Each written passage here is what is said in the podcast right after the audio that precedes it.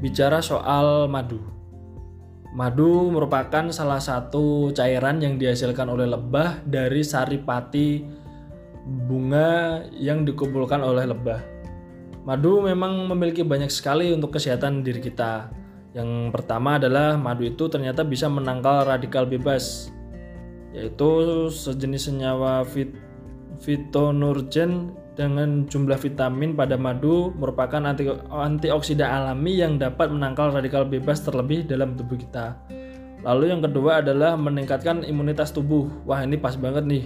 Imunitas tubuh kita pada saat ini memang sedikit diuji karena dilanda pandemi Covid.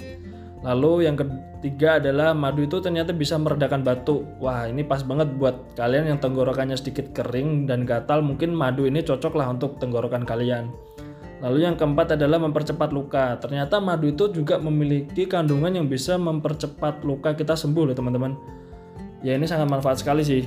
Lalu yang kelima adalah menjaga kesehatan sistem pencernaan. Yaitu jadi kita lebih apa ya metabolisme tubuh kita tuh lebih lancar gitu.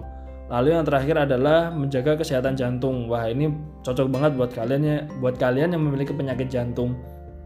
Oke, mungkin sekian lah dari penelitian kita membahas tentang madu. Mungkin nanti kita akan lanjut ke segmen yang lainnya. Oke, okay, thank you.